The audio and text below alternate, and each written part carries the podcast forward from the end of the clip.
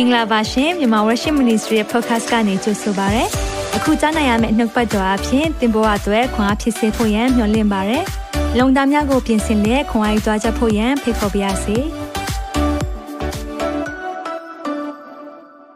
မင်္ဂလာပါအားလုံးကိုပြန်လည်ကြိုဆိုရဲဒီညမှာပို့ဆောင်ပေးတဲ့ဖျားရှင်နာမတော်တိုင်းပုံကြီးပါစေမြန်မာ worshipper များမြန်မာ worship မိသားစုများနဲ့အတူ ဓမ္မမိတ်ဆွေတွေအားလုံးကိုလည်းကြိုဆိုပါရစေ။ဒီနေ့ခိုးဖို့တတ်ဖို့ဖြည့်ဆည်းဖို့စာတန်အလုပ်မှာပဲ။တော့စာတန်မှာ time out ဟုတ်လား break time ဆိုတာမရှိဘူး။သင်ကိုသူကနှိပ်စက်ခြင်းနဲ့သင်ရဲ့ဝိညာဉ်အသက်ကိုတတ်ခြင်းနဲ့သင်ရဲ့မိသားစုသင်ရဲ့ဝိညာဉ်ရေးအောင်ဖြည့်ဆည်းခြင်းနဲ့အဲကြောင့်ကျွန်တော်တို့တွေကဘယ်လိုမျိုးပြင်ဆင်ရမလဲဒါအရင်အရေးကြီးတယ်ဒါကြောင့်မလို့ဒီ topic တွေကိုသင်ဖို့ဖခင်ကအသင်တော်တွေကိုနှိုးဆော်တာဖြစ်တယ်ဒီမဲဒါကြောင့်မလို့ကျွန်တော်လေ့လာသွားတဲ့အခါမှာ ဘုရားရှင်ကကျွန်တော်တို့အပေါ်မှာဘလောက်ကောင်းမြတ်တယ်လဲကြောက်ဖို့မဟုတ်ဘူးเนาะစာတန်ကိုလုံးဝကြောက်ဖို့လုံးဝမဟုတ်ဘူးဒါပေမဲ့ပေါ့ဖို့တော့လုံးဝမဟုတ်ဘူးနော်ဆာဆရာတယောက်ကပြောမှုပါတယ်စာတန်ကိုလေးစားပါတဲ့နော်။ဘာကြောင့်လဲလို့ပြောတဲ့အခါမှာပြိုင်ဘက်ကိုအထင်သေးမိခြင်းဟာကျွန်တော်တို့ရဲ့ကြီးမားသောအမှားဖြစ်တယ်။ဒါကြောင့်ကျွန်တော်တို့တွေမကြောက်ရအောင်ဒါပေမဲ့တစ်ချိန်တည်းမှာပဲမပေါ်ရအောင်အာမင်။ဟုတ်ပြီကျွန်တော်တို့ဝန်ခံနေကြနှုတ်ပတ်တော်ဝန်ခံရအောင် နှုတ်ကပတ်တော်သည်အကျွန်ုပ်ခြေရှိမှမိခွက်ဖြစ်၍ကျွန်ုပ်လမ်းကြီးကိုလင်းစေပါ၏တစ်ခါတော့ထပ်ဝင်ခံရအောင်နှုတ်ကပတ်တော်သည်ကျွန်ုပ်ခြေရှိမှမိခွက်ဖြစ်၍ကျွန်ုပ်လမ်းကြီးကိုလင်းစေပါ၏ဒီကျွန်တော်တို့ဆူဆောင်းဆူတောင်းပေးပါပြီးရင်အစီအစဉ်မှာအသုံးပြုမဲ့ဆက်ပစ္စည်းတွေမှာစာ၍အထူးသဖြင့်သင်ရဲ့နှလုံးသားကိုဒီနေ့ဖွင့်ထားပါကောင်းချီးပေးပါ။ဘာကြောင့်လဲဆိုတော့ဒီနှုတ်ပတ်တော်တွေကြားတဲ့အခါမှာစာတန်ကမကြားစေချင်ဘူး။ဘာကြောင့်လဲသင်လွတ်မြောက်သွားမှတိတ်ကြောက်တယ်။ ဘာကြောင့်လဲဆိုတော့သင်လွတ်မြောက်သွားရင်သူ့ရဲ့နိုင်ငံတော်ဖယုတ်ဖျဲဖြစ်သွားမယ်သူရဲ့စာဒန်နိုင်ငံပျက်စီးသွားမှာသိဆိုရင်တယ်ဒါကြောင့်သူကာကွယ်လိမ့်မယ်သူအမျိုးမျိုးလုပ်လိမ့်မယ်တတိခံချက်တွေကြားတဲ့အခါမှာလည်းဒါမျိုးတွေ့ရတယ်အာမလျှော်နဲ့လို့ခွန်အားပေးခြင်းတယ်ဒီနေ့ဆက်သွားရအောင်အာမင်အဲကြောင့်မလို့စာဒန်ကိုအရှုံးမပေးရအောင်ဆက်သွားရအောင်ဟာလေလုယာကျွန်တော်အတွက်ဆုတောင်းပေးပါမိတ်ဆွေတို့လည်းကျွန်တော်စက္ကန့်နဲ့ဆုတောင်းပေးမယ်သက်ရှင်တော်ဖခင်နာမတော်အထူးချီးမွမ်းနဲ့ ဒီနေ့မှာကိုရောပို့ဆောင်နေမြောင်များလားဆိုတော့ကိုရောရဲ့သားသမီးများ online မှာတူတကွကိုးကွယ်ခွင့်ရတယ်နှုတ်ဘတ်တော်လေ့လာခွင့်ရတယ်ရောနှုတ်ဘတ်တော်ထဲမှာသွားခြင်းလောက်ပြောတာမရှိဘူးလို့ဒီနေ့ကိုရောနှုတ်ဘတ်တော်ထဲမှာပြောတဲ့အတိုင်းပဲကျွန်တော်နှုတ်ဘတ်တော်ထဲမှာသာလေ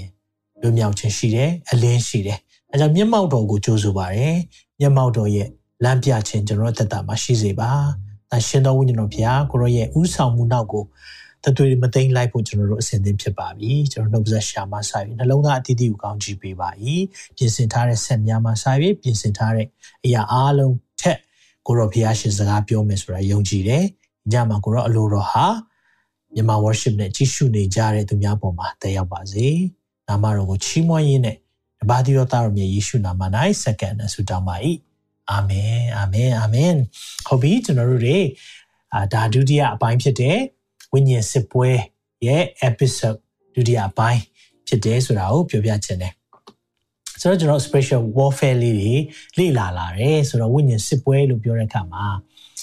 ကြောက်ဖို့မဟုတ်ဘူးเนาะကျွန်တော်တို့တွေတချို့တွေကမသိလိုက်ဘူးကိုဟာဝိညာဉ်စစ်ပွဲထဲမှာရှိနေတယ်ဆိုတာသိဖို့လိုတယ်အဲကြောင့်ကျွန်တော်တို့ရဲ့ဒီသင်ခန်းစာအားလုံးရဲ့အခြေခံကျမ်းပိုက်ကတော့ဘာလဲဆိုရင် Ephet Overasa ခန်းကြီး6အငယ်30ကနေ18ကိုကျွန်တော်တို့တွေဒါအခြေခံ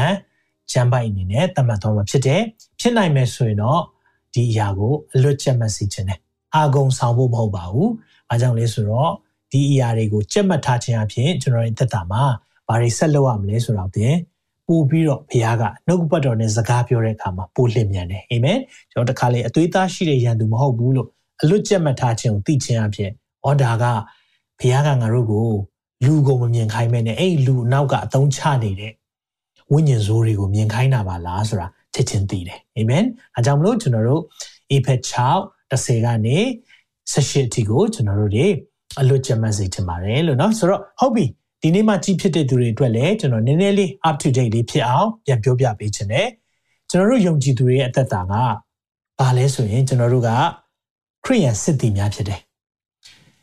စစ်တိုက်နေရသောသူများဖြစ်တယ်။ဒါမဲ့အောင်မြင်ဖို့စစ်တိုက်တာမဟုတ်ဘဲနဲ့အောင်မြင်ခြင်းမှစစ်တိုက်တာ။ပြောမယ်ဆိုရင်ကျွန်တော်တို့အောင်မြင်ပြီးသား။လက်ဝါးကားတိုင်းမှာသခင်ယေရှုပြုတဲ့အရာဟာသေခြင်းမှန်ကိုအောင်ပြီးသား။အာမင်။ထိုအရာကိုယုံကြည်သူအရောက်စီတိုင်းဟာအကျိုးတရားမှုရှိပြီးသားဖြစ်တယ်။ဒါပေမဲ့စာတန်ကလည်းသူ့အချိန်မကုန်သေးတဲ့အခါမှာသူ့ကိုအပြစ်ပေးမဲ့ကာလမရောက်သေးတဲ့ကာလအတော်အတွင်းမှာသူ့ဘက်ကလည်းအကြီးကျယ်အရှုံးသမားဖြစ်ပြီမဲ့ နောက်နောက်ဘတ်တော်ထဲကပြောတဲ့အတိုင်းပဲသားသမီးပြောက်တဲ့ဝန်ကားတဲ့ပူကြောက်ပူကောင်းတယ်ဟုတ်လားဆိုတော့တရိษံနေသူတို့သားသမီးကိုထိရင်အယမ်းထိတယ်လို့ပဲဒီနေ့အပြစ်သားတွေကိုနော်ဖျားသားဖြစ်သွားတဲ့အခါမှာအပြစ်တရားရဲ့ဖခင်ကမကျေနပ်ဖြစ်တာပေါ့အဲကြောင့်မလို့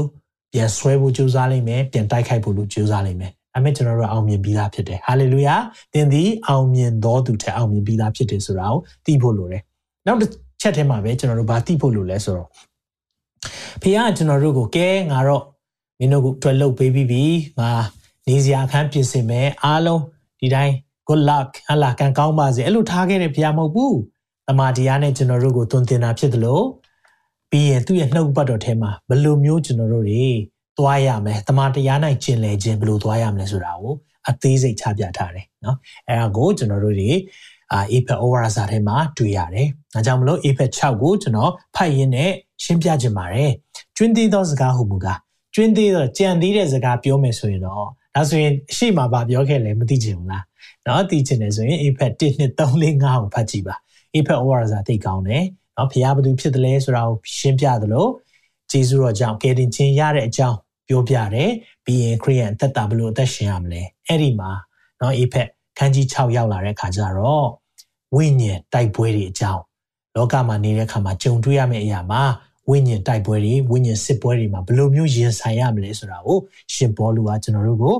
တည်တည်ချာချာရှင်းပြထားတာဖြစ်တယ်။ဒါကြောင့်မလို့ကျွန်းသေးသောစကားလို့သုံးထားတာဖြစ်တယ်။ညီကိုရသခင်ဖျားဖြစ်၎င်းတကိုးရရှင်အားဖြစ်၎င်းခိုင်ခန့်ခြင်းရှိကြလော။မာနဤပရိယေတို့ကိုမာနဤပရိယေလို့ပြောကြည့်ပါမာနဤပရိယေမာနမှာပရိယေတိတ်ကြွယ်ဝတယ် ကျွန်တော်တို့တွေဒါကိုနားမလည်ဘူးဆိုသူပရိယေထဲမှာမ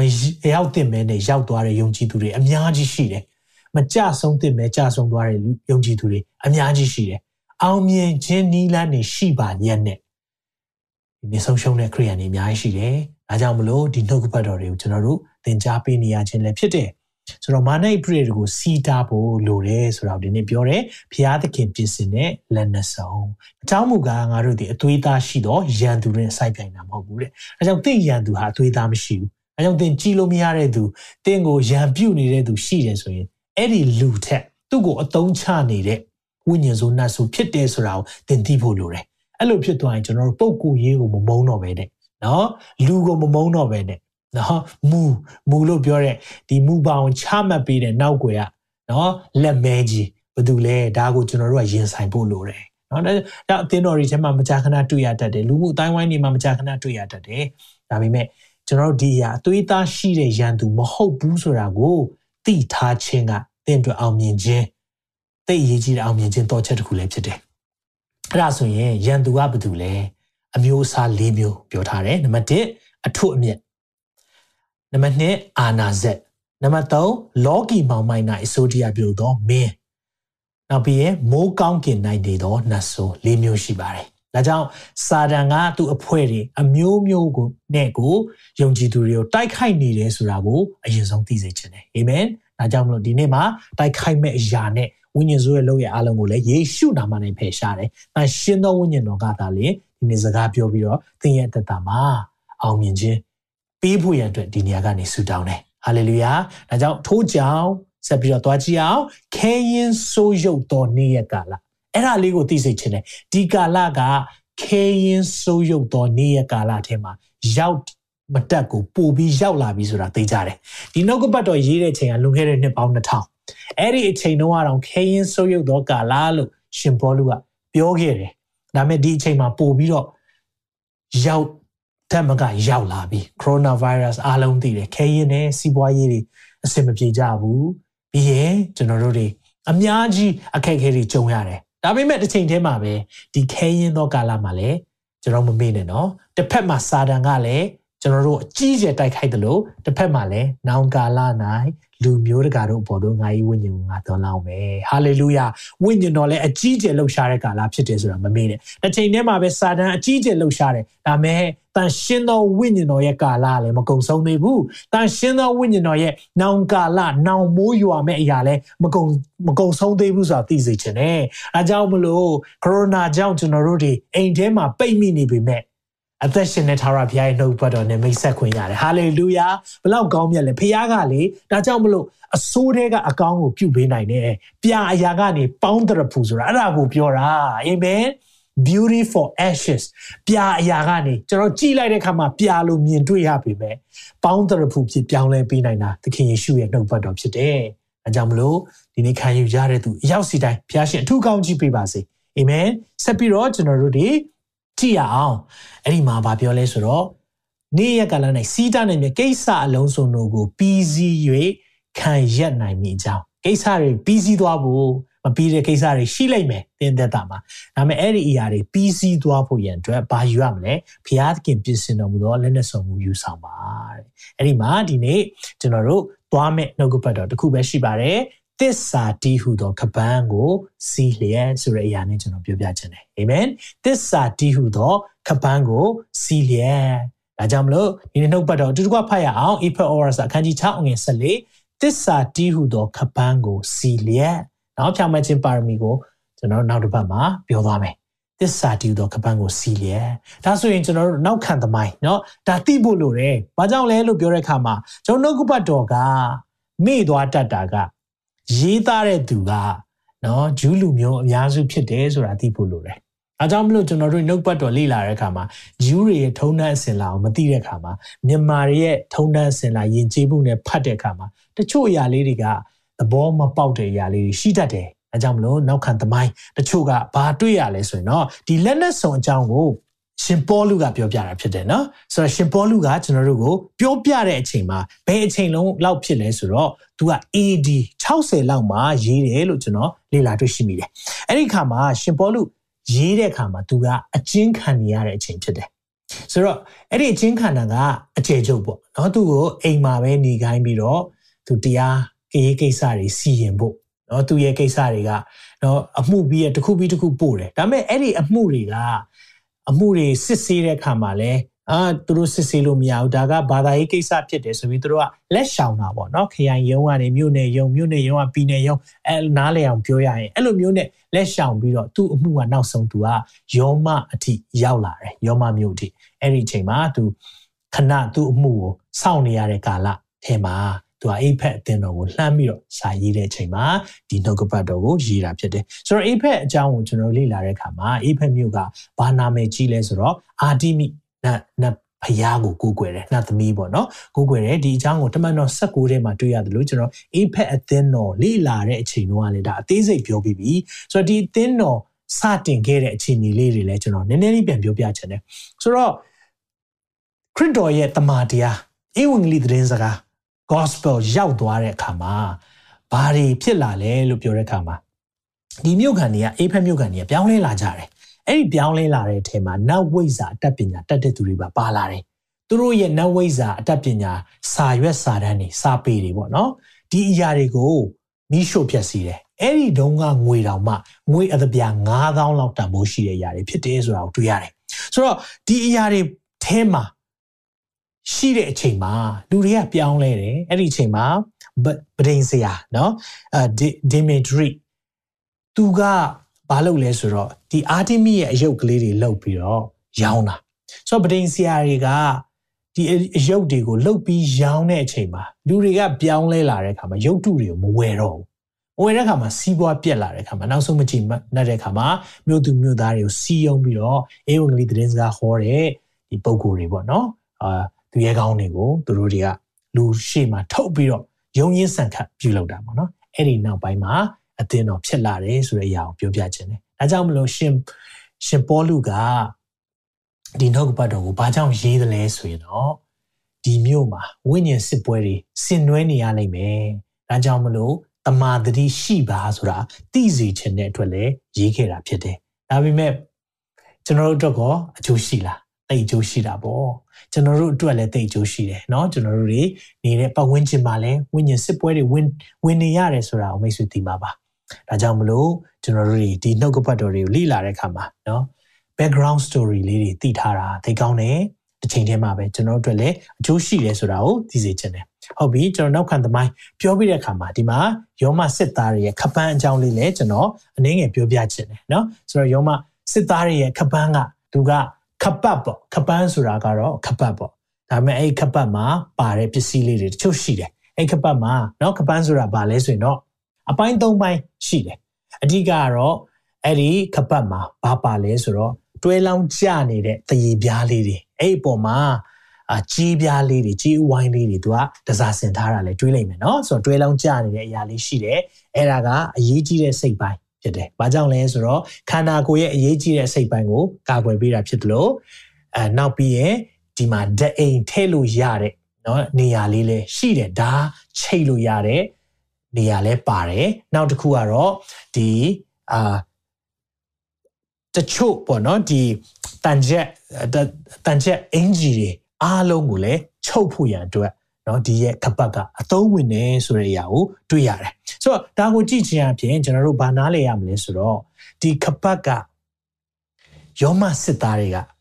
သူတို့စစ်တိုက်တော့မှာပဲဖြစ်ဖြစ်တခုခုဖြစ်ဖြစ်အရင်ဆုံးတတ်ဆင်တဲ့အရာဖြစ်တယ်ဆိုတာသိစေချင်တယ်။ဘာကြောင့်လဲလို့ပြောတဲ့အခါမှာဒီခပန်းမတတ်ထားဘူးဆိုရင်တခြားအရာတွေတတ်လို့မရအောင်เนาะဒါကတော့စစ်စစ်တပ်နဲ့နီးစပ်တဲ့သူတွေเนาะ တချို့လည်းမြင်ဘူးတဲ့သူတွေသိပါလိမ့်မယ်ဒါကအရေးကြီးတယ်အခုဆိုရင် modern kit မှာဆိုရင်သူတို့ကအခုဆိုရင်ကြီးစံနေထည့်မယ်အဲ့ထဲမှာ radio တွေเนาะအတန်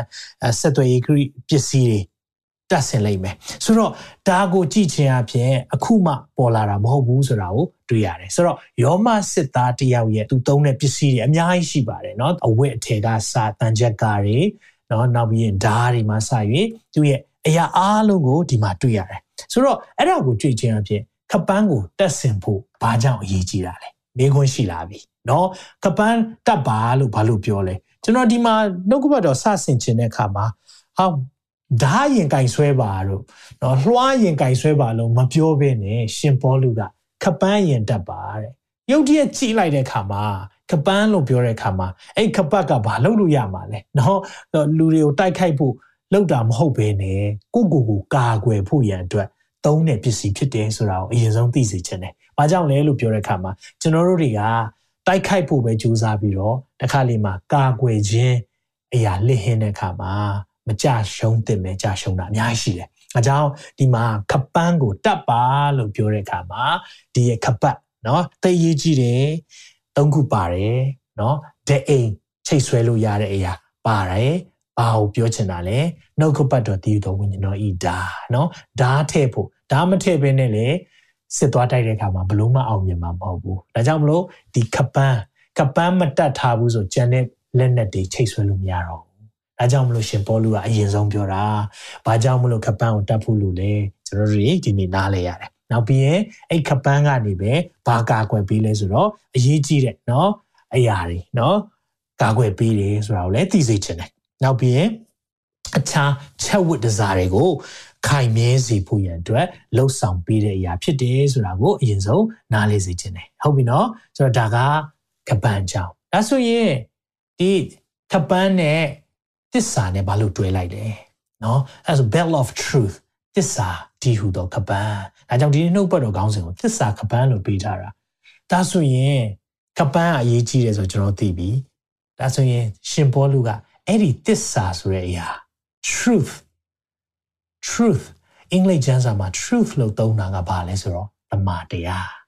တမန်တရားကိုခပန်းကဲ့သို့ဝစ်စင်ပါလို့ပြောတာတမန်တရားကိုခပန်းကဲ့သို့ဝစ်စင်ပါ တမန်တရားမရှိရင်ကြံတဲ့လက်နဲ့တွေချိတ်ဆွဲလို့မရဘူးတမန်တရားမရှိထားရင်ကြံတဲ့အရာတွေနောက်မှစဉ်းစားပါတမန်တရားကိုအရင်စဉ်းစားပါလို့ပြောချင်တာဒါကြောင့်မလို့ကျွန်တော်တို့တွေကတမန်တရားမရှိဘဲနဲ့တခြားအရာတွေလုပ်ချင်နေမအောင်မြင်ဘူးဒါကြောင့်မလို့တမန်တရားဒါကြောင့်ကျမ်းစာကပြောလဲတမန်တရားဘာလို့လဲဒီနေ့တမန်တရားကိုကြည်ရအောင်ရှင်ယောဟန်ခရစ်ဝင်ကျမ်းခန်းကြီး1အငယ်14မှာတမန်တရားနဲ့ပတ်သက်ပြီးပြောထားတယ်နှုတ်ကပတ်တော်သည် ဒီလေလူဇာတိအဖြစ်ခံယူ၍ဒါဘု து ကိုပြောတာလဲသသခင်ယေရှုခရစ်တော်ကိုပြောတာအစဦးနိုင်နှုတ်ကပတ်တော်ရှိနှုတ်ကပတ်တော်လေးလည်းဘုရားသခင်နဲ့အတူရှိနှုတ်ကပတ်တော်လေးလည်းဘုရားသခင်ဖြစ်တယ်ဒီနေ့အစကတည်းကနှုတ်ကပတ်တော်ရှိတယ်သခင်ယေရှုကိုပြောတာအဲ့ဒီမှာဗာပြောလဲဆိုတော့ဂျေဇုတော်ဂျေဇုတော်နဲ့၎င်းတစ္ဆာတော်နဲ့၎င်းအဲ့ဒါလေတမန်တရားကိုပြောတာဖြစ်တယ် truth တစ္ဆာတော်နဲ့၎င်း ပြည်စုံလျက်ငါတို့တွင်တည်နေတော်မူသည်ဖြစ်၍ခမဲတော်၌တပါးတီသောသားတော်ဤဘုံကဲ့သို့သူဤဘုံတော်ကိုငါတို့သည်မြင်ရကြပြီဒါဆိုရင်တမန်တရားဆိုတာဘာကိုပြောတာလဲသခင်ယေရှုပြောတာနှုတ်ကပတ်တော်ကိုပြောတာအာမင်ဒါကြောင့်မလို့ကျွန်တော်တို့က truth တမန်တရားကနှမျိုးရှိလို့မရအောင်ဟုတ်တယ်နော်ကျွန်တော်ကိစ္စတစ်ခုခြံကိစ္စစကားများရဲဆိုဟိုဖက်လည်းမှန်တယ်ဒီဖက်လည်းမှန်တယ်အဲ့လိုလုပ်လို့မရအောင်တယောက်ယောက်တော့မှားနေလိမ့်မယ်နော်အဲကြောင့်မလို့ story နော်ကျွန်တော်တို့ဒီ အရင်တော့ကကျွန်တော်အလုပ်လုပ်ခဲ့တဲ့အချိန်မှာသင်ပေးတဲ့အရာတွေရှိတာပေါ့နော်အဲ့ဒါမှဆိုရင်အကျွန်တော် interview တွေလုပ်ရတဲ့အခါမှာတခါလေကြာရင်ဘယ်သူမှန်တယ်ဘယ်သူမှားတယ်ဆိုတာတဲ့တခါလေကြာရင်ဟိုဘက်ကိုမေးရင်လည်းသူတို့မှန်တယ်လို့ပြောတယ်ဒီဘက်ကိုမေးရင်လည်းသူတို့မှန်တယ်လို့ပြောတယ်ဒါမဲ့ကြားထဲမှာကျွန်တော်တို့ကအေးဒီနှစ်ခုဘယ်သူမှန်လဲဆိုတာကို listener နားထောင်တဲ့သူတွေကဆုံးဖြတ်ချက်ချရတယ်နော်ဆိုတော့အဲ့ဒါမျိုးတွေကြည့်တဲ့အခါမှာအမြဲတမ်းတော့နှစ်ဖက်လုံးမမှန်ဘူးဆိုတာကိုသိသိစေချင်တယ် အဲဆိုရင်တမာတရားနဲ့မှုသာရှင်တွဲနေလို့ရလားမရဘူးတမာတရားရှိတယ်ဆိုရင်မှုသာဆိုတဲ့အရာကမှုသာပဲနော်အော်သူကနည်းနည်းလေးကောက်နေတာပါအဲဖြောင်းတော့ဖြောင်းပါတယ်လို့လို့လို့မရအောင်ဒီနေ့တမာတရားဆိုတာဖြောင်းမှခြင်းဖြစ်တယ်တမာတရားဆိုတာစံနှုန်းတည်တံ့ဖြစ်တယ်ဒါကိုနားလဲစေခြင်းတယ်ဒါကြောင့်နှုတ်ပတ်တော်ထဲမှာဆက်ကြည့်ရအောင်ရှင်ယောဟန်ခရစ်ဝင်ကျမ်းအခန်းကြီး14ငယ်6မှာပါပြောတယ်ယေရှုကလည်းငါသည်လမ်းခီးဖြစ်၏ တမာတရား I am the way a way မဟုတ်เนาะ the way the လို့သုံးတာဒီအင်္ဂလိပ်အင်္ဂလိပ် grammar အင်္ဂလိပ် drama ဆိုရင်တော့ဒါက definite article ဆိုတာတစ်ခုပဲရှိတယ်တစ်မျိုးပဲရှိတယ်နော်တီးတန့်ဖြစ်တယ်ဆိုတာကိုပြောချင်တာဖြစ်တယ်ဆိုတော့ယေရှုကငါသည်လမ်းခီးဖြစ်၏တမာတရားလည်းဖြစ်၏ truth ခုနသစ္စာဆိုတဲ့စကားလုံးဒါနော် truth ဆိုတာကိုသူတို့ကအပြောင်းလဲလုပ်ပြီးတော့ သုံးထားတာဒါကြောင့်တမာတရားလည်းဖြစ်၏အသက်လည်းဖြစ်၏ငါ့ကိုအမိမပြုလေအဘယ်သူများခမီးတော်ထံသို့မရောက်ရဖခင်ကလမ်းဖြစ်တယ်တမာတရားလည်းဖြစ်တယ်ဆိုတာသူကအတိအလင်းကြီးညာထားပြီးသားဖြစ်တယ်ဒါကြောင့်ခပန်းကဘာတွေကိုကာကွယ်ပေးမှလဲအဓိကကာကွယ်ပေးမှပါလဲသိလားအဲ့ဒီတမာတရားကိုမရထားဘူးဆိုမသိထားဘူးဆိုသင်လိန်ခံရမယ်ဒါပဲဆိုတော့တမာတရားက တိထားဖို့နဲ့ရထားဖို့သိရေးကြည့်တယ်မဟုတ်ဘူးဆိုရင်အဲ့ဒီတမန်တရားကနေဘာဘာဖြစ်လာတတ်လဲဆိုတော့မူတာကလိန်လေလဲစားရတယ်ဒါကြောင့်မလို့ကဘာဦးကျန်ကလေးကကြည့်တဲ့အခါမှာလေဘာလိန်လဲမူတာရဲ့အဖစာတန်ကတော့နည်းနည်းလေးထည့်ပေးတယ်နော်ဆိုတော့အဒမ်အဒမ်ဆိုတာအာဒန်နော်ကျွန်တော်တို့ပြောခဲ့တယ်ဟလားအာဒန်ကြောင့်အာဒန်ကြောင့်ပြောအဒမ်ရဲ့အဓိပ္ပာယ်ဒီ mankind လူသားဆိုတဲ့အဓိပ္ပာယ်ဖြစ်တယ်အားလုံးကိုကိုစားပြုတာเนาะဒါကြောင့်အာဒန်ရဲ့အပြစ်ကြောင့်ဆိုကိုမပါတယ်လို့သူ့ကိုပြောတယ်လို့မဟုတ်ဘူးလူသားအားလုံးရဲ့အပြစ်လူသားအဒမ်เนาะလူသားတွေ human လို့ပုံဆောင်တာဖြစ်တယ်ဆိုတော့သူ့ကိုဗာပြောလဲเนาะသူနဲ့အေဝါကိုလိမ့်လေလက်ပြတဲ့ခါမှာလဲဖះကဒါကိုတကယ်ပြောလို့လားဒီမိကုန်းပဲတော့ဖះကတန့်ရှင်းချင်းတကယ်ကြိုက်လို့လားဖះကိုရထားပြီးပြီဆိုရင် အရာအလုံးဟာပြီးပြီပဲဟာလားလဝါကားရိုင်မှာအသွေးတော်အဖြစ်လှုပ်တဲ့အရာကြောင့်သင်ဟာဖြောင့်မတ်တော်သူဖြစ်ပြီးကြိုက်တယ်လို့နေလို့ရတယ်ဟာလားတမာတရားကို distort လုပ်တယ်ဆိုတာမှားယွန်းအောင်เนาะ radio line မှာနည်းနည်းထိသွားတယ်ဆိုရင် line မမှန်တော့ဘူးဆိုအတန်ကမကြည်တော့ထိုနည်း၎င်းပဲတမာတရားကိုလည်းနည်းနည်းလေး line လွဲအောင်အမြဲတမ်းစာတန်ကလုပ်တတ်တယ်နော်ဒါကိုကျွန်တော်တို့လေ့လာရအောင်ဆက်ပြီးတော့ အဲကြောင့်မလို့တစ္ဆာခပန်းလို့ကြည့်တဲ့အခါမှာဒီနေ့အရေးကြီးတဲ့အရာတွေကာကွယ်ဖို့လိုတယ်တစ္ဆာနော်လူတစ်ယောက်နဲ့ကြောက်သစ္စာရှိဖို့လိုတယ်ကျွန်တော်သိတယ်အိမ်တော်ဘက်ပေါ်မှာသစ္စာရှိဖို့လိုတယ်အဲကြောင့်မလို့သစ္စာတည်ယူတဲ့တမာတရားကိုကင်ဆွဲထားမယ်တမာတရားနဲ့ကာထားမယ်ဆိုရင်တော့သင်ရဲ့သက်တာမှာလုံခြုံနိုင်မယ်ဆိုတာကိုပြောချင်တာဖြစ်တယ်ဟုတ်ပြီဒါဆိုဘယ်ကနေကာကွယ်ပေးမလဲဘုရားကမူတာကနေကာကွယ်ပေးခြင်းတယ် ဟုတ်ပြီနော်ဒါကြောင့်မလို့ရှင်ယောဟန်ခရစ်ယာန်ခန်းကြီး၈ငယ်44မှာဒီလိုပြောတယ်သင်တို့သည်သင်တို့ရဲ့ဗတိဟုသောမာနမှဆင်းသက်ကြ၏နော်ဘုရားကတော့အတိလင်းပြောထားတယ်ကျွန်တော်တို့ဘယ်ကလာလဲဆိုတာဒီမှာပြောထားတယ်သင်တို့အပိုက်အလိုတို့လည်းလိုက်တတ်ကြ၏မာနသည်ရှေးဥစွာမှဆိုင်၍လူအသက်ကိုတတ်တော်သူဖြစ်၏သူ၌တစ္ဆာတရားမရှိတွေ့လားတစ္ဆာတည်ဟူသောခပန်း तू ဘာကြောင့်မလို့ဒီဒီအရာကိုတိတ်မုန်းလဲ သူ့မှာမရှိဘူးနော်သူ့မှာမရှိဘဲနဲ့ကျွန်တော်တို့ကရထားတယ်တစ္ဆာတရားဆိုတဲ့အရာနော်တနည်းအားဖြင့်ဖြောင့်မတ်ခြင်းတနည်းအားဖြင့် faithfulness တနည်းအားဖြင့် truthfulness ဒီနေ့ဒီအရာကိုရထားပြီးတဲ့သူတွေဖြစ်တဲ့အခါမှာစာတန်ကမကြိုက်ဘူးမကြိုက်တဲ့အခါမှာမလုပ်လဲသူ၌တစ္ဆာတရားမရှိတော့ကြောင့်တစ္ဆာတရား မတည်မနေသူဒီမူတာစကားကိုပြောတဲ့အခါမိမိပဂတိအတိုင်းပြောဤဆိုတာမိမိပဂတိဆိုသူအထွေအထူးလေ့ကျင့်စရာမလိုကျွမ်းကျင်ပြီးသားသူ့ရဲ့ mother tongue နော်သူ့ရဲ့မိခင်ဘာသာစကားလိုပဲကျွမ်းကျွမ်းကျင်ကျင်ပြောနိုင်တယ်လို့ပြောချင်တာဖြစ်တယ်မူတာစကားနိုင်ကျင်လည်တော်သူဖြစ်၏မူတာရဲ့အပါလည်းဖြစ်တယ်ဒီနေ့ကျွန်တော်တို့ကတစ္ဆာတည်သောခပန်းကိုစီးပါလို့ပြောရင်ဘာဘာပြောတာလဲသိလားဒီနေ့တမာတရားကိုကျွန်တော်သိထားရင်လေတမာတရားသိထားရင် လာလိမ့်ရင်လေမခံတော့ဘူးအာမင်ကျွန်တော်ဒီနေ့လာလိမ့်တဲ့လူတွေအများကြီးရှိလိမ့်မယ်တခါလေအသင်းတော်ထဲမှာ doctrine တွေနဲ့တဖြည်းဖြည်းဝင်လာတာရှိတယ်အဲ့လိုဝင်လာပြီဆိုရင်ကျွန်တော်တို့တွေကမသိလိုက်ဘူးအဲ့ဒီတမာတရားခပန်းလေးကိုဖြုတ်ပေးလိုက်တာတမာတရားခပန်းလေးကိုကျွန်တော်မသိလိုက်တဲ့အချိန်မှာဖြုတ်ပေးလိုက်တဲ့အခါမှာဒါကလည်းချိန်လို့မရတော့ရေဘူးလည်းချိန်လို့မရတော့ကြံတဲ့နော်ဒီနေ့ပစ္စည်းတွေဘာမှ ချိန်လို့မရတော့ဘူး။ဘာကြောင့်လဲ။အဲ့ဒီတမန်တရားအခြေခံတယ်။သင်ရဲ့တန်ချက်ကအင်ကြီးလည်းရော့တိရော့ရဲဖြစ်လာတယ်။သင်ရဲ့ defense system အကာအကွယ်တွေရော့တိရော့တွေဖြစ်လာဖြစ်လာဖို့ရန်အတွက်စာတန်ကဒါကိုလုပ်တာ။အဲကြောင့်မလို့ကျွန်တော်တို့ဒီဒီနေ့မိတ်ဆွေကိုနားလဲစေချင်တယ်။ကျွန်တော်ဒီရဲ့နှုတ်ဘတ်တော်ဟောနေတဲ့အချိန်မှာပဲစာတန်အရင်နောက်ဆက်ချင်တယ်။လူတွေကိုနားမလဲအောင်လူတွေကိုပြင်းရည်အောင်လူတွေကိုတမန်တရားကိုကြားမှာတိတ်ဆိုရင်ね ဘာကြောင့်လဲသူ့မှာသစ္စာတရားမရှိဘူးသူ့ရဲ့စကားမူတာပဲအဲကြောင့်အဲ့မူတာကိုခြေဖြတ်ဖို့ကလေပြောလိုက်မယ်ဒီနေ့စာတန်ကတော့အမြဲပြောလို့ရှိရရရှိတယ် you are not good enough မင်းအသုံးမကျပါဘူးကွာအဲ့ဒါမူတာတမန်တရားမဟုတ်တမန်တရားကပြောလဲသင်ဟာ အောင်မြင်တော်သူထက်အောင်မြင်တော်သူဖြစ်တယ်လို့ပြောတယ်ဟာလေလုယာမူတာကတော့ပြောလိုက်မယ်မင်းအသုံးမကျပါဘူးဒါပေမဲ့တမန်တရားကတော့သင်ဟာအောင်မြင်တော်သူထက်အောင်မြင်တော်သူဖြစ်တယ်ဟာလေလုယာဒီနေ့မူတာကတော့ပြောမယ်မင်းဘယ်တော့မှအဲ့ဒီအညစ်ညမ်းထဲကနေကြော်လွှားနိုင်မှာမဟုတ်ပါဘူးလို့ပြောလိုက်မယ်အဲ့ဒါမူတာ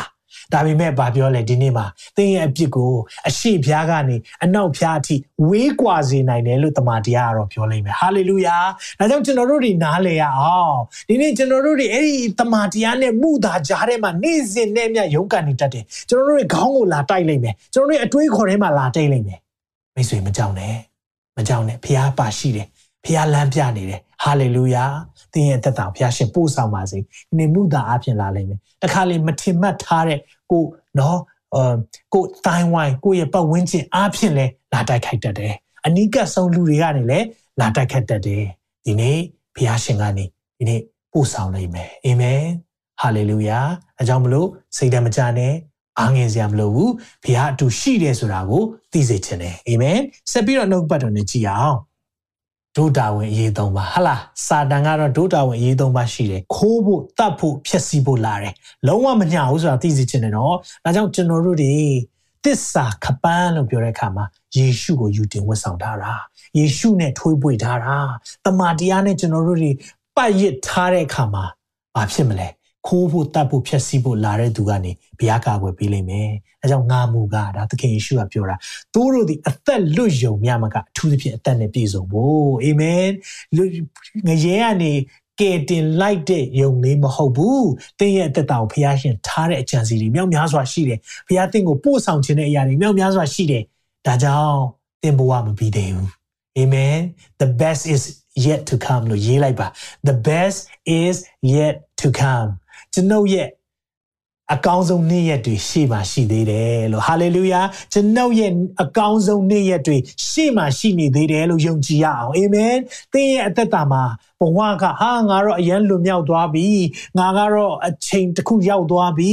ငါကတော့ငါရဲ့အကောင်းဆုံးနေ့ရက်အားအရှိဆုံးနေ့ရက်တွေဒီနေ့ကုံဆုံးသွားပြီလို့ထင်ကောင်းထင်လိုက်မယ်ဒီနေ့ no no no no ဒီတစ်ခါလေတချို့ကဟာငါအသက်40အခုဘဝစတယ် no သခင်ယေရှုနဲ့တွေ့တဲ့နေရာဘဝစတာ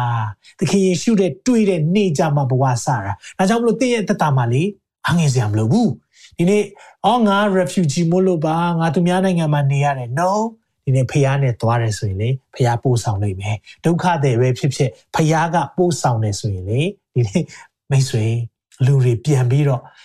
အားကြတဲ့သူအတူယူရတဲ့သူတင့်ကိုကြည်ချင်းအဖြစ်ဖះရဲ့နာမကိုချီးမွမ်းရတဲ့သူဖြစ်လာနိုင်မယ်အာမင် အဲကြောင့်ကျွန်တော်ယုံကြည်တယ်သင်ရဲ့အကောင်းဆုံးသောနေ့ရက်တွေရှေ့မှာရှိသေးတယ်အမေတခုတော့လိုတယ်သစ္စာကပန်းကိုတော့စီးတာဖို့လိုတယ်အာမင်ဆက်ပြီးတော့ကျွန်တော်တို့ကြည်အောင်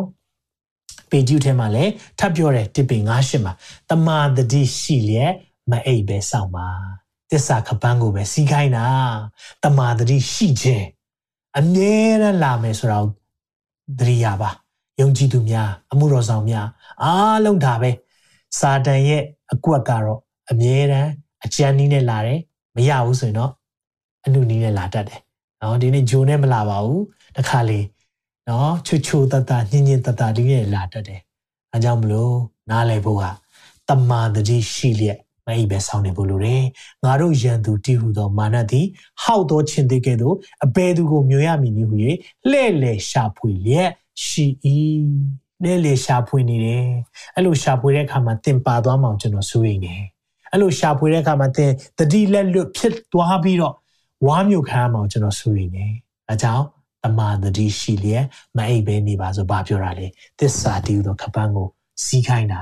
အာမင်ဆက်ပြီးတော့ကျွန်တော်တို့ကြည့်ရအောင်ကဲဒီအရာလေးနဲ့ကျွန်တော်ပြောပြီးတော့အဆုံးသတ်ခြင်းတယ်သစ္စာခပန်းကိုလက်တွေ့မှာဘယ်လိုတတ်ဆင်အသုံးပြုမှာလဲ ဟုတ်ပြီနော်ကျွန်တော်တို့ပြောလာတဲ့အခါမှာတစ္ဆာကပန်းကိုကျွန်တော်တို့ဘလို့ဘလို့မျိုးတတ်ဆင်ပါလဲအသုံးပြုပါလဲနော်ဒါကလေကျွန်တော်တို့ကဒီအရာကိုကြည့်တဲ့အခါမှာဒီလိုဖြစ်တတ်တယ်တစ္ဆာတီတော့ကပန်းကိုစီးတယ်ဖြောင်းမချင်းပါရမီတော့ကျွန်တော်အာဂုံဆောင်မိတတ်တယ်ဒါပေမဲ့ကျွန်တော်တို့ဒီဖခင်ကတစ္ဆာကပန်းကိုစီးခိုင်းတယ်လို့ပြောတဲ့အခါမှာလက်တွေ့မှာဘယ်လိုသုံးမလဲဒီမိကုန်းကသိရေးကြည့်တယ်နော် လက်တွေ့မှာဘယ်လိုတတ်ဆင်မလဲနေ့တိုင်းမှာဟုတ်ပြီအခုသဘောပေါက်ပြီဆရာဒေးဗစ်ကင်ပြီကျမတို့သိပြီကျမတို့ဝိညာဉ်တိုက်ပွဲထဲမှာရှိနေတယ်ဝိညာဉ်စစ်ပွဲထဲမှာရင်ဆိုင်နေရတယ်နေ့တိုင်းစစ်တိုက်ရမယ်ဆိုတာသိနေပြီရန်သူကလည်းမသက်ညာဘူးဆိုတာသိတယ်ခိုးဖို့တတ်ဖို့ဖျက်ဆီးဖို့ဆိုတာလာတယ်မုသာအဖဖြစ်တဲ့အတွက်မုသာနဲ့လာတော့မယ်ဘယ်လိုလုပ်ရမလဲဘယ်လိုလက်တွေ့ကျင့်သုံးရမလဲဒီနေ့သစ္စာတည်သောခပန်းလို့ပြောတဲ့အခါမှာတမာတရားရှိဖို့ပြောတာ တမန်တရားရှိခြင်းဆိုတာမှန်တယ်သခင်ယေရှုကိုယထားခြင်းတမန်တရားဟုတ်ပြီနော်တမန်တရားအမေယုံကြည်သူတွေသခင်ယေရှုယထားတယ်ဒါပေမဲ့မိခွန်းကတမန်တမတ်ကိုရှိလားတမန်တရားယထားတယ် truth အမေတင်တမန်တမတ်ရှိလားမရှိဘူးဆိုရင်တော့ဒီနေ့မှဆင်ခြင်ရအောင်ဟုတ်ဒီကိုအဟုတ်မဟုတ်ဒီကိုမဟုတ်ဖြစ်စေပါတဲ့ကျမ်းစာပြောတယ်အမေကျွန်တော်တို့တွေ တမာတရားနဲ့တကယ်သွားရလားနေတိုင်းမဟုတ်ဘူးဆိုရင်တော့အာအိဖက်6ဘလောက်ရွရွတကူရှိမှာမဟုတ်စာပဲလေအဲ့ဒါကျမ်းစာပဲလေဒါပေမဲ့အဲ့ဒီကျမ်းစာနှုတ်ပတ်တော်ဖြစ်လာဖို့အတွက်သင်ရဲ့အသက်တာမှာလက်တွေ့ကျင့်သုံးမှုလိုတာအာမင်ဒီလိုလက်တွေ့ကျင့်သုံးဖို့ကြတော့ဘာလို့လဲသစ္စာကပန်းကိုဘယ်လိုလက်တွေ့တတ်ဆင်မလဲနံပါတ်1ဘာတတ်ဆင်မလဲဆိုတော့အပြုတ်ဝင်ချပါ တမာတရားဆိုတာတမာတမတ်ရှိလားဆိုတာကိုယ့်အကူစဉ်းစားတဲ့အခါမှာကိုယ့်ရဲ့အသက်တာမှာအော်ငါမပြောတင်တာပြောမိပြီမလုပ်တင်တာလုပ်မိပြီမကြည့်တင်တာကြည့်မိပြီဒါဆိုကျွန်တော်တို့တမာတရားမရှိတော့ချစ်တဲ့လူမချစ်နိုင်ဘူးမေတ္တာမပြနိုင်တမာတရားမရှိဘူးဒါဆိုကျွန်တော်ဘာလုပ်ရမလဲအဖြစ်ဝင်ချတောင်းပန်မယ်ဖျားရှိမှာတီ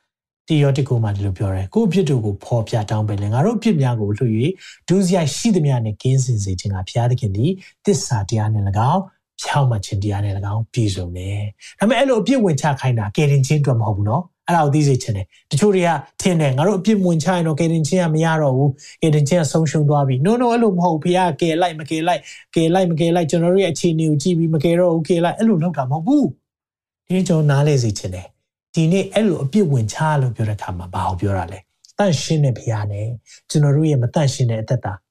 သဟဇာတလုံးဝမဖြစ်နိုင်ဘူး။မန်နဲ့ယေရှုအပြင်ဖြောင့်မတ်တော်သူမန်နဲ့ယေရှုအပြင်ကျွန်တော်တို့ဒီအပြစ်ကင်းတော်သူဖြစ်တယ်။ဒါမဲ့နေ့စဉ်မှာနော်လင်မယားနှစ်ယောက်ကျွန်တော်လက်ထပ်ထားတယ်ဟုတ်တယ်နော်။ဒါမဲ့တယောက်နဲ့တယောက်ယံဖြစ်တဲ့အခါမှာဆက်ဆံရေးဘယ်လိုဖြစ်လဲ relationship ဘယ်လိုဖြစ်လဲစင်မပြေဘူးလေတိမ်ထဲမှာနေလားစကားမပြောနိုင်ကြဘူးရှိနေကြလိမ့်မယ်ဒါပေမဲ့ကျွန်တော်တို့ဘာလို့အပ်လဲ တယောက်နဲ့တယောက် sorry ပါအဲ့ဒီနေ့တော့မပြောသင့်တာပြောမိသွားတယ် sorry ပါဒီလိုမျိုးကျွန်တော်လုံးမိသွားတယ်ကျွန်မဒီအရာအတွက်တောင်းပန်တယ်တယောက်နဲ့တယောက်အဲ့ဒီလိုမျိုးတောင်းပန်ဝင်ချတာကနော်ဘာဖြစ်သွားစေလဲတယောက်နဲ့တယောက်ရဲ့ဆက်ဆံရေးကိုပြန်လဲပြီးတော့ပြည်လဲစေတယ်ထိုနည်း၎င်းပဲကျွန်တော်ရဲ့သက်တာမှာတမာတရားနဲ့မညီတဲ့အရာတွေအလုံးလုံးတတ်တယ်တမာတရားတမာတရားပြောပြီးတော့ဟလာပါဇက်ကတစ်မျိုးလက်ကတစ်မျိုးလှုပ်တတ်တယ်ဟုတ်လား လှုပ်တတ်တယ်မူတော်ဆောင်တွေလေကျွန်တော်တို့အပါဝဲဖြစ်တတ်တယ်ဒါပေမဲ့တန်ရှင်းသောဝိညာဉ်တော်တိတ်ချဖို့ကောင်းတယ်အထဲကနေကျွန်တော်တို့လေမဟုတ်သေးဘူးနော်ဒါလောက်တာမမှန်ဘူးနော်အမြဲတမ်းနှိုးဆော်ပေးတယ်အဲ့လိုနှိုးဆော်ပေးတဲ့အခါမှာကျွန်တော်ဘာနားလဲရလဲဆိုတော့ဖခင်သခင်ကကျွန်တော်နဲ့တကယ်ရှိတယ်ပြီးရင်သူကသူ့ဖက်ကပဲကျွန်တော်တို့ကိုပြန်ပြန်ပြီးတော့ကမ်းလှမ်းတာချစ်ကြည်ရေးပြန်လဲပြီးတော့ကမ်းလှမ်းတာငြိမ်းချမ်းရေးပြန်လဲကမ်းလှမ်းတာ အဲ့လိုတောင်းပန်လိုက်တဲ့အခါမှာကျွန်တော်ရဲ့အသက်တာမှာဘာဖြစ်သွားလဲဆိုတော့ဖခင်နဲ့ပြန်ပြီးတော့ငြိမ်းချမ်းရေးပြန်ရတယ်ဒီမှာအားကြောင့်မလို့ဟေရှာယ59ငယ်တင်းတဲ့နှစ်မှာဒီလိုပြောတာကြည့်ရှုတော့ထာဝရဘုရားသည်မကယ်တင်နိုင်အောင်လက်တော်တူတဲ့သူမဟုတ်ဘူးမကြားနိုင်အောင်နားတော်ထိုင်တဲ့သူမဟုတ်ဘူးသင်တို့ဒုစရိုက်သည်သင်တို့ဘုရားသခင်နဲ့ကွာစေတယ်ကျွန်တော်ဒုစရိုက်လုပ်တဲ့အခါမှာဘုရားနဲ့ကွာစေတယ်ကြားတော်မမူစေခြင်းကသင်တို့အဖြစ်သည်မျက်နာတော်ကိုလွှဲစေတယ်ဒီနေ့ ဘုရားကျွန်တော်တို့ရဲ့ဆုတောင်းတန်ကြားစေခြင်းနဲ့ကျွန်တော်တို့ဒုစရိုက်ကြောင့်သူနဲ့ကြားမှာကွာဟချက်မဖြစ်သွားအောင်မလုပ်ဖို့လိုလဲတမာတရားရှိတယ်နေ့စဉ်နဲ့မြတ်တစ္ဆာတည်သောခပန်းစီးတယ်ဆိုတာကိုရောကိုရောရဲ့အလိုတော်နဲ့မညီဘဲနဲ့အသက်ရှင်တာများရှိရင်ခွင့်လွတ်ပါကိုရောကိုရောပေါ်ပြစ်မှားမိတဲ့အရာသူစပါကိုရောရဲ့ပုံသဏ္ဍာန်နဲ့ဖန်ဆင်းထားတဲ့သူများကိုကျွန်တော်ပြစ်မှားမိတဲ့အရာများရှိခဲ့ရင်ကိုရောခွင့်လွတ်ပါ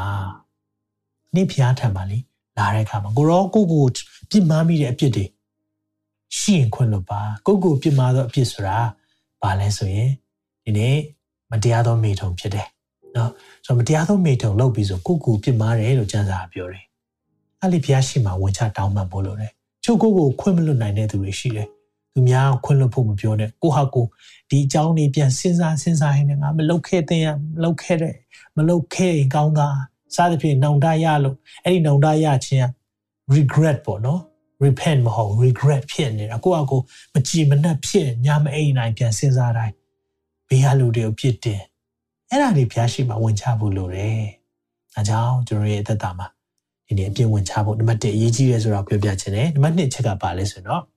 ဖျားသခင်ထံအရှိကိုရှိတိုင်းလာဖို့လိုတယ်။နော်ဖျားသခင်ထံမှာအရှိကိုရှိတိုင်းလာပါ။ ဖျားအားလုံးသိလားသိတယ်။အဲကြောင့်မလို့ဆာလန်ဆရာကတော့ရှင်းတယ်။အိုးထာဝရဘုရားဆာလန်86ငွေ7မှာကိုရောဤလမ်းကိုအကျွန်ုပ်အားပြညွန်တော်မူပါ။ကိုရောဤတမန်တရားလမ်းသို့လိုက်သွားပါမည်။နာမတော်ကိုကြောက်ရွံ့မိအကြောင်းအကျွန်ုပ်ဤနှလုံးကိုစိတ်ဆက်စေတော်မူပါ။စစ်ခိုင်းတာနော်။သူ့ရဲ့အသက်တာကိုသူစစ်ခိုင်းတာ။ဘုရားကျွန်တော်စစ်ပါဦး။ကျွန်တော်နှလုံးဒီဟာပဲလားဆိုနောက်နောက်ဘတ်တော်မှာပူတော်မှရှင်းသေးတယ်။ စာလံ139မှာငွေ23နဲ့24မှာအိုးထာအိုးဖျားသခင်အကျွန်ုပ်ကိုစစ်ကြော၍စစ်တယ်နော်အကျွန်ုပ်ဤနှလုံးကိုတိမှတ်တော်မူပါစုံစမ်း၍စိတ်အထင်များကိုလည်းတိမှတ်တော်မူပါဆိုတော့ investigate လုပ်ပေးပါကိုတော့ဖော်ပြပေးပါသိုးသောလမ်းကိုကျွန်ုပ်လိုက်သည်မလိုက်သည်ကိုကြည့်ရှု၍သာရလမ်းတဲ့သို့သွေးဆောင်တော်မူပါကြည်အောင်နော် သူသူသူ့ကိုသူဖះဖះရှိမှလာတဲ့အခါမှာအရှိကိုရှိတိုင်းပဲလာတယ်အဲ့ဒါအဲ့ဒါဘုရားလိုချင်တာ bell of truth တမန်တရားခပတ်တစ္ဆာခပန်းလို့ပြောတဲ့အရာဒါပဲကျွန်တော်ရဲ့သက်တာမှာဘုရားရှင်လာထပ်မလာတဲ့အခါမှာရှိကိုရှိတိုင်းပဲလားဝင်လေးနေလားပင်ပန်းနေလားလာခဲ့လူကတော့လေလူသားလာပါပြဿနာခေါ်မလာနဲ့လို့ပြောတယ်ဘုရားကတော့လူရောလာခဲ့ပြဿနာခေါ်လာခဲ့တမန်တမတ်ရှိ ရှိခြင်းကိုဘုရားလိုတော့ရှိတယ်ဒီနေ့တမန်တရားကိုသိတယ်လို့ပြောတဲ့အခါမှာမှန်မှန်မှန်ချိန်ထုတ်ဖို့လိုတယ်ခါလေကြာရင်တမန်တရားသိတာဖာရီရှဲလိုဖြစ်တတ်တယ်ကိုကတော့သိတယ်သူများကိုထိုးဖို့သိတယ်သူများဘာလို့လဲဆိုတာပြောတယ်အဲ့ဒီတမန်တရားမျိုးပြောတာမဟုတ်ဘူးဒီနေ့တကယ်စစ်မှန်တဲ့တမန်တရားလေကိုကိုပဲပြင်တာအရင်တော့ကျန်းစာစဖတ်တဲ့အချိန်ကလေသူများကိုပဲမြင်တယ်သူများကိုဘာပြောရမလဲနော်ဟို ဘာဆုံးမရမလဲပေါ့မြင်တယ်ဒါပေမဲ့နောက်ပိုင်းဖတ်လာတဲ့အခါမှာတဖြည်းဖြည်းတမန်တရားစစ်မှန်တဲ့တမန်တရားနှလုံးသားထဲမှာအလုံးလုံးလာတဲ့အခါမှာဘာလိုအပ်တယ်လဲပဲမြင်တယ်ဒီနေ့ဟောနေတဲ့အချိန်မှာလဲကိုကိုသွန်သင်ခြင်းခံရပါတယ်နှုတ်ပတ်တော်ဓာတ်ကလေနှစ်ဖက်လိုပါပဲဟောတဲ့သူလည်းထိတယ်ခံယူတဲ့သူလည်းထိတယ်ဒါကြောင့်ကျွန်တော်သက်တာမှာသစ္စာရှိပါသစ္စာကပန်းကိုစီးထားပါဆိုတာတမန်တရားတမန်သမတ်သက်ရှင်ဖို့ဘုရားလိုတော့ရှိတယ်။ ဘာကြောင့်လဲဒီနေ့ကျွန်တော်တို့ရဲ့အသက်တာကိုကြည့်တဲ့အခါကျတော့လူတစ်ပါးတွေကဘုရားကိုချီးမွမ်းမှုအကြောင်းဘုရားဖြစ်စေခြင်းနဲ့ဆက်ပြီးတော့တတိယချက်ကိုကျွန်တော်ကြည့်အောင်နေ့စဉ်သက်တာကိုအနံ့ခြင်းဖြစ်တယ်အာမင်ဒီကျွန်တော်အပြည့်ဝင်ချဖို့လိုတယ်ဘုရားရှိပါဘုရားနဲ့ဆက်ကြမှာကျွန်တော်တမန်တမန်မရှိတဲ့အရာသစ္စာမရှိတဲ့အရာဘုရားရှိမှဝန်ခံပါပြီးရင်ကျွန်တော်တို့အရှိကိုရှိတိုင်းလာပါဘုရားကိုစစ်ခိုင်းလိုက်ဘုရားကျွန်တော်ရဲ့အသက်တာကိုစစ်ပေးပါဘုရားစစ်ဆေးတဲ့အခါမှာ ပြစ်တောင်းမှဝင်ချတဲ့အခါမှာနေ့စဉ်သက်တာကိုကိုရောထံမှာအနံ့ပါဒီနေ့ဘာကြောင့်လဲဆိုတော့ရှင်ယောဟန်အဝရစာတတိယဆောင်ခန်းကြီး1အငယ်၄မှာဒီလိုပြောတယ်ငါဤသားသမီးတို့သည်တမာတရား၌ကျင်လေသည်ကိုငါကြား၍ဝမ်းမြောက်ခြင်းတဲ့တာ၍ဝမ်းမြောက်ခြင်းမရှိဒါကိုတော့ရှင်ယောဟန်ရေးတာဖြစ်ပေမဲ့ဖခင်ရဲ့နှုတ်ကပတ်တော်က not a private interpretation ပုံကိုရေးနဲ့ရေးလို့မရဘူး ဒါဘာကိုပြောတာလဲဆိုတော့ဖခင်ရဲ့နှလုံးသားကိုဒီနှုတ်ပတ်တော်မှာဒီကျမ်းပိုက်မှာတွေ့ရတယ်ဘာတွေ့ရလဲသိလားဒီနေ့လေယုံကြည်သူအားလုံးခုနှုတ်ပတ်တော်ခံယူတဲ့သူအားလုံးကိုဘုရားပြောနေတာတခုရှိတယ်။တမန်တရားထဲမှာကျင်လည်တာတော့သူဝမ်းမြောက်တာမရှိဘူးတဲ့။အာမင်။ဒါကြောင့်ကျွန်တော်နေ့စဉ်အသက်တာကိုဘုရားရှိမှအံ့တန်ဖို့လိုတယ်။အဲ့တမန်တရားကိုမြတ်မြတ်ဖတ်ကိုယ်ဆေးကြောလိုက်မယ်နော်။ကိုယ်ပြင်ပေးလိုက်မယ်။ အစားတော့သူများကိုမြင်လိုက်မယ်။ရောက်ခမကိုပုံမြင်တတ်တယ်။ဟုတ်လားကြည်မရတဲ့သူတွေပုံမြင်တတ်တယ်။ No ဒီနေ့အဲ့ဓာတွေမြင်ပြီးရင်လေဆက်သွားပါနောက်ဆိုရင်ကိုလိုအပ်ချက်တွေကိုမြင်လာနိုင်မယ်မှန်နဲ့တူတယ်ရေနဲ့တူတယ်ကိုကြီးအရေးကိုကိုထင်လာနိုင်မယ်ဒီနေ့တော့မဟုတ်ဘူးဆိုတော့ကြမ်းတက်ပုဂ္ဂိုလ်ဖြစ်သွားနိုင်မယ်ကျန်းစာတွေတော့ကျန်းပိုက်တွေအများကြီးရတယ်ဟုတ်လားကျန်းပိုက်တွေအများကြီးသိတယ်ဒါပေမဲ့ ကျန်းပိုက်ရဲ့အရှင်သခင်ကတော့မသိဘူးအဲ့ဒါသိဝမ်းနေဖို့ကောင်းတယ်ကျန်တဲ့ပုဂ္ဂိုလ်ရဲ့အားနည်းချက်တခုอ่ะအဲ့ဒါပဲဘာတွေ share တွေအားနည်းချက်ပါလဲကျန်းစာကိုတော့ဘယ်ကနေတောက်တောက်တောက်တောက်ကြည့်ပြီးတော့ဟာလာဖတ်เสียမလို့အလွတ်ဟောနိုင်တယ်ဒါပေမဲ့နှုတ်ကပတ်တော်ကြီးရှေ့မှာကိုတင်ပြတာမတွေ့ဘူးတပ်ဖို့တော့မှလုံဆော်လိုက်သေးတယ်ဒီကျွန်တော်အဲ့လိုမဖြစ်ဖို့လိုတယ် ဒီတမန်တရားသစ္စာကပန်းလို့ပြောတဲ့အခါမှာတော့ဒီသခင်ယေရှုကိုယူတင်ဝန်ဆောင်ခြင်းဖြစ်တယ်ဟာလေလုယာအေးနောက်နှုတ်ပတ်တော်တခုပေးခြင်းပါတယ်အဲ့ဒါကတော့ယောဟန်ရှင်းအငယ်31နဲ့32မှာထိုအခါယေရှုကတင်းတို့သည်ငါဤဒေသနာ၌တည်လင်ငါတပည့်အမှန်ဖြစ်ကြ၏ဖခင်ရဲ့ဒေသနာမှာတည်တဲ့သူပဲဖခင်ရဲ့တပည့်အမှန်ဖြစ်တယ်ဆက်ပြောတယ်တမန်တရားကိုလည်းသိကြသဖြင့် you shall know the truth and the truth shall set you free ဒီကျမ်းပိုက်ကိုတဲ့ဒေါအောင်ဆန်းစုကြည်ကသူရဲ့အကြိုက်ဆုံးကျမ်းပိုက်လို့ interview တစ်ခုမှာပြောဘူးတယ် you shall know the truth တမန်တရားကိုလည်းသိကြသဖြင့်ထိုတရားသည်သင်တို့ကိုလွှတ်လိုက်မည်ဟုယုံကြည်သောယူဒာလူတို့အားမိန်တော်မူ၏ဟာလေလုယာကျွန်တော်ယုံကြည်ပါတယ်ဒီနေ့ကြားတဲ့နှုတ်ပတ်တော်အဖြစ်သင်လွင်ငြိမ်ချမ်းသာခွင့်ရလိမ့်မယ် သစ္စာတည်သောကပန်းဆိုတာအာဂုံဆောင်ပြီးတော့ရွတ်တာမျိုးဖခင်ရဲ့လက်နဲ့ဆုံတွေကိုသစ္စာတည်သောကပန်းဖြောင်းမခြင်းရုပ်တစားအဲ့ဒါမျိုးပြောတာမျိုးတဲ့လက်တွေ့နေ့စဉ်အသက်ရှင်တဲ့အခါမှာ integrity integrity လို့အဓိပ္ပာယ်ပါလဲဆိုတော့เนาะကျွန်တော်တို့တမန်တမတ်ရှိတာကျွန်တော်တို့တမန် integrity လူရှိမှလုတ်ပြရတာလွယ်တယ်လူရှိမှချီးမွမ်းရတာတိတ်လွယ်တယ်တီဝိုင်းနေနဲ့ လူတွေအများကြီးရှိမှ worship ဥဆောင်ရတာလွယ်တယ်ဒါပေမဲ့တယောက်တည်းရှိတဲ့အချိန်မှာဥဆောင်နိုင်လားအဲ့ဒါမေးခွန်းဖြစ်သွားတယ်လူရှိမှလူတွေအများကြီးရှိမှတရားဟောရတာလွယ်တယ်ဒါပေမဲ့အဲ့တရားကိုလူကွဲရမှာရှိတဲ့ခါမှာလက်တွေ့သုံးရလားမသုံးဆိုရင်တော့ဒါသစ္စာကပန်းယောဒီယောရေဖြစ်နေတာအဲကြောင့်အဲ့ဒီသစ္စာကပန်းယောဒီယောရေဖြစ်နေရဆိုရင်ဒီနေ့ပြန်လည်ပြီးတော့စီရအောင်အာမင်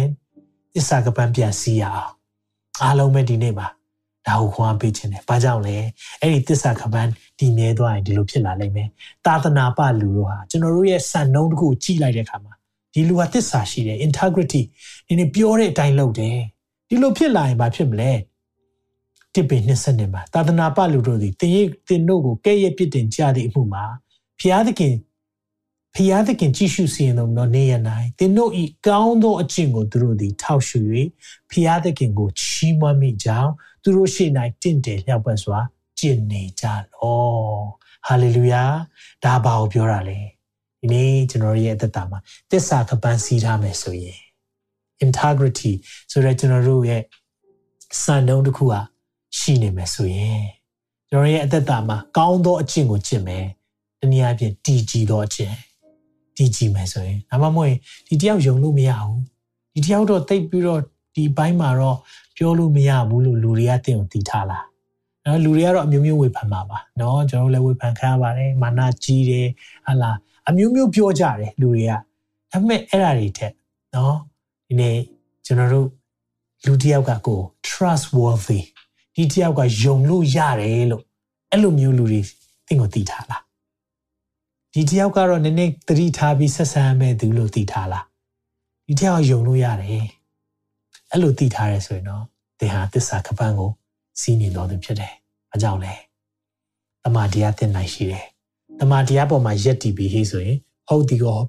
အဟုတ်မဟုတ်ဒီကိုမဟုတ်ရှင်းရှင်းလေးပဲအဖြူမဲကွက်ကွက်ပြပြ gray area ဆိုတော့ဟလာခဲအောင်မရှိပါဘူး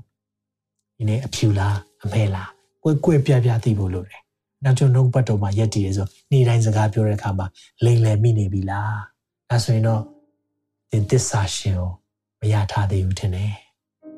သင်ရဲ့အသက်တာမှာအပြောင်းလဲအများကြီးရှိလားလူရှိမှတစ်မျိုးလူခွဲရမှာဒီနေ့သခင်ယေရှုကတော့မနေ့ယနေ့နောင်ကာလမပြောင်းလဲတော့ဘုရားဖြစ်တယ်အာမင်အဲကျွန်တော်တို့ဒီဒီအရာလေးနဲ့ဒီနေ့ခေါ်အားပေးခြင်းတယ်သစ္စာကပန်းလို့ပြောတဲ့အခါမှာကျန်တဲ့အရာတွေမပြောခင်မှာဒီအရာကိုအရင်ဆုံးရှင်ပေါလုကရေးပေးတယ်သစ္စာကပန်းအရင်စီရအောင်သစ္စာရှိရအောင် လွယ်လွယ်ကူပြောရရင်သစ္စာရှိရအောင်တမာတရားရှိရအောင်တမာတရားမရှိဘဲနဲ့ကျန်တဲ့အရာတွေဆက်ပြီးမလာဘူးဒါကိုရှင်ပေါလုကထောက်ပြပြောဆိုတာဖြစ်တယ်။အဲကြောင့်မလို့ကျွန်တော်ရဲ့သက်တာမှာဒီနေ့ဖះကိုလူတွေချီးမွမ်းဖို့ရန်အတွက်သင်ရဲ့သက်တာကိုသင်ရဲ့အကျင့်ကိုကြည့်တယ်။အသီးကိုမြင်ရင်အပင်ရဲ့သဘောကိုသိတယ်။ဒီဘာတွေလောက်ကင်နေလဲ။ ဒီနေ့လူကမပြေစုံမှန်ပါတယ်။မပြေစုံဘူးဘယ်သူမှမပြေစုံဘူး။ဒါပေမဲ့ရှိကိုရှိတိုင်းလာလား။ကိုယ့်ရဲ့သက်တာကိုကိုယ့်ရဲ့အသက်တာစစ်ဆေးဖို့ဖះကျွန်တော်ကိုစစ်ဆေးပါလို့ဆုတောင်းရင်လား။ဇာလန်ဆရာကတော့ကြောက်ကတ်တွေနှလုံးတွေအကုန်စစ်ပလိုက်ပါကိုတော့အဲ့ဒါဆိုရင်ကျွန်တော်ဘာတွေဖြစ်နေလဲเนาะကျွန်တော်ဒီနိုင်ငံတွေမှာဤပညာတွေတိုးတက်တဲ့အခါမှာနှလုံးကြောက်ကတ် ultrasound ဟလား skin ဖတ်တယ်အကုန်လုံးတွေ့ရတယ်ခွဲစိတ်စရာမလိုပဲထဲမှာပါတယ်ဖြစ်နေတယ်အကုန်တွေ့ရတယ်ထုံနည်း၎င်းပဲဖះက ultrasound နေနော် skin ဖတ်တာတွေတက် scanner တွေတက်ပို့ပြီးသင်ကိုမြင်လို့ရတယ်ခေါင်းကနေခြေဖွားအားလုံး skin ဖတ်လိုက်ရင်ကျွန်တော်သက်တာမှာဖះလိုတော့ရှိတဲ့သက်တာသက်ရှင်လားအဲ့ဒီမှာကျွန်တော်တို့ကအသက်မရှင်ဘူးဆိုရင်လက်နဲ့တစ်ခုပြောင်းနေတယ် အဲ့ဒီလက်နဲ့ကအရေးကြီးတဲ့ကပန်းဖြစ်နေတယ်အဲ့ကပန်းကြီးမပါဘူးဆိုဓာတ်လည်းထိလို့မရတော့အဲ့ကပန်းမပါဘူးဆိုအရေးကြီးတဲ့အစိတ်ပိုင်းအကာအကွယ်လည်းမရှိတော့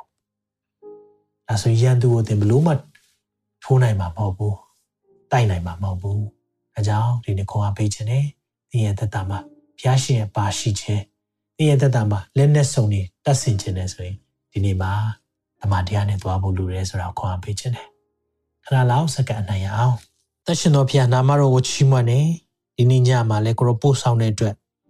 လမ်းပြတဲ့အတွက်တစ္ဆာကပန်းကြောင်းပြောခွင့်ရတယ်ကိုရောကျွန်တော်တို့ဘယ်အရာကတမန်တရားလဲဆိုတာကိုအမြဲတမ်းသိရှိဖို့ရန်အတွက်သွန်သင်ပါဘေရီမြို့သားတွေကတက်တာလောနိမြို့သားတွေထက်တာ၍ထူးမြတ်တယ်။ဘာကြောင့်လဲဆိုတော့ရှင်ပေါလုတို့ဟောကြားချက်ကိုတောင်မှမှန်လားမမှန်လားဆိုတာတမန်တရားနဲ့အမြဲချိန်ထိုးတယ်။ ဘောကျွန်တော်ရဲ့တက်တာသစ္စာကပန်းစီးထားသောယုံကြည်သူများဖြစ်ဖို့ရန်အတွက်ဝိညာဉ်တော်ဖျားမစားပါ။ဘောလည်းဝင်နိုင်ကျွန်တော်တို့အသက်တာတွေပြန်လဲအနန္တအဖြစ်များကိုလည်းဝင်ချပါတယ်။လက်တွေ့မှာကျွန်တော်မကျင့်သုံးနိုင်တဲ့အရာတွေသစ္စာမရှိခဲ့တဲ့အရာအထူးသဖြင့်ကိုရော့ပုံမှာသစ္စာမရှိတဲ့အရာတွေတော့ဝင်ချတောင်းပန်နေလူတွေပေါ်မှာသစ္စာပြတ်ခဲ့တဲ့အရာတွေတော့လည်းဝင်ချတောင်းပန်နေတမာတရားကျွန်တော်ရဲ့သက်တာမှာမရှိတဲ့အရာ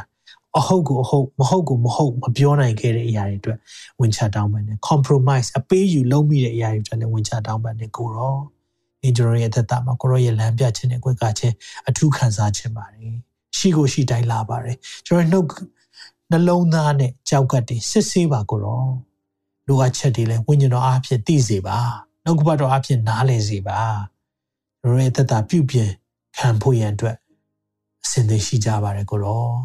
ထုံဒီ၎င်းပဲကိုရောကိုရောကျွန်တော်ရဲ့သက်တာကိုနေ့စဉ်နဲ့မြတ်သက်တာအနှံ့ပါတယ်ကိုရောထမ်းမှာအနှံ့နေအနှံ့တဲ့အခါမှာကိုရောကျွန်တော်တို့ကိုနေ့စဉ်နဲ့မြတ်လမ်းပြပို့ဆောင်ပေးမယ်ဆိုရယုံကြည်ပါတယ်ဂျေဇုနဲ့ဂုဏ်တော်ပေါင်းချီးမွမ်းပါ၏တပါးတိတော်သားတော်မြတ်ယေရှုနာမ၌စက္ကန့်နဲ့ဆုတောင်းကြပါ၏အာမင်အာမင်ဒီနေ့တင်တာသစ္စာမရှိကောင်းမရှိလိမ့်မယ်ထိုသခင်ကတော့သိသစ္စာရှိတယ် Great is thy faithfulness morning by morning new mercy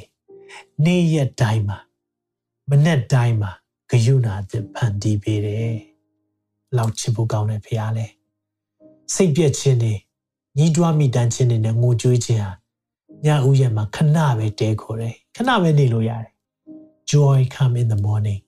ဝမ်းမြောက်ခြင်းဟာတော့မိုးလင်းတဲ့အခါမှာရောက်လာတယ် hallelujah အဲကြောင့်မလို့ဒီနေ့ဖိတ်ခေါ်ခြင်းလေသင်ရဲ့အသက်တာမှာ ခင်ယေရှုကိုကယ်တင်ပိုင်ရှင်တဲ့အရှင်သခင်ဖြစ်ရထားပြီးပြီဆိုရင်အဲ့ဒီသခင်နဲ့သင် personal relationship သခင်နဲ့သင်နဲ့ကြားထဲမှာဆက်ဆံရေးဟာ personal relationship ရှိတယ်လားအဲ့ဒီဦးချင်းဆက်ဆံရေးမရှိသေးဘူးဆိုရင်တော့ဒီညမှာရှိလို့ရတယ်ခင်ယေရှုဖျားကျွန်တော်ပြကိုခွင့်လွှတ်ပါကိုရောကိုနေရာပေးတဲ့လက်တာမှာဖိတ်ခေါ်ရဲဆိုရင်အဲ့ဒါ personal relationship ရှိသွားပြီ အာမင်အဲကြောင့်ယုံကြည်ပါတယ်သင်ရဲ့သက်တာမှာဖျားရဲ့ပို့ဆောင်ခြင်းအဲနဲ့လမ်းပြခြင်းရှိနေတယ်အဲကြောင့်ဖျားရှင်အထူးကောင်းကြီးပေးပါစေအာမင်အားလုံးဒီနေရာမှာနှုတ်ဆက်ပါတယ်အရောက်စီတိုင်းဖျားရှင်အထူးကောင်းကြီးပေးပါစေတင်ခုလိုနာဆင်ခွန်အားနိုင်ခြင်းဟာမြန်မာ Worship Ministry ကိုလာဆင်ပန်ပိုးနေကြတဲ့ Kingdom Partners များအကြောင်းဖြစ်ပါတယ်။ဖျားခင်နိုင်ငံတော်ကျယ်ပြန့်ရေးအတွက်လာဆင်ပေးကမ်းပောင်းဖို့ရန်ဖိတ်ခေါ်လိုပါတယ်ရှင်။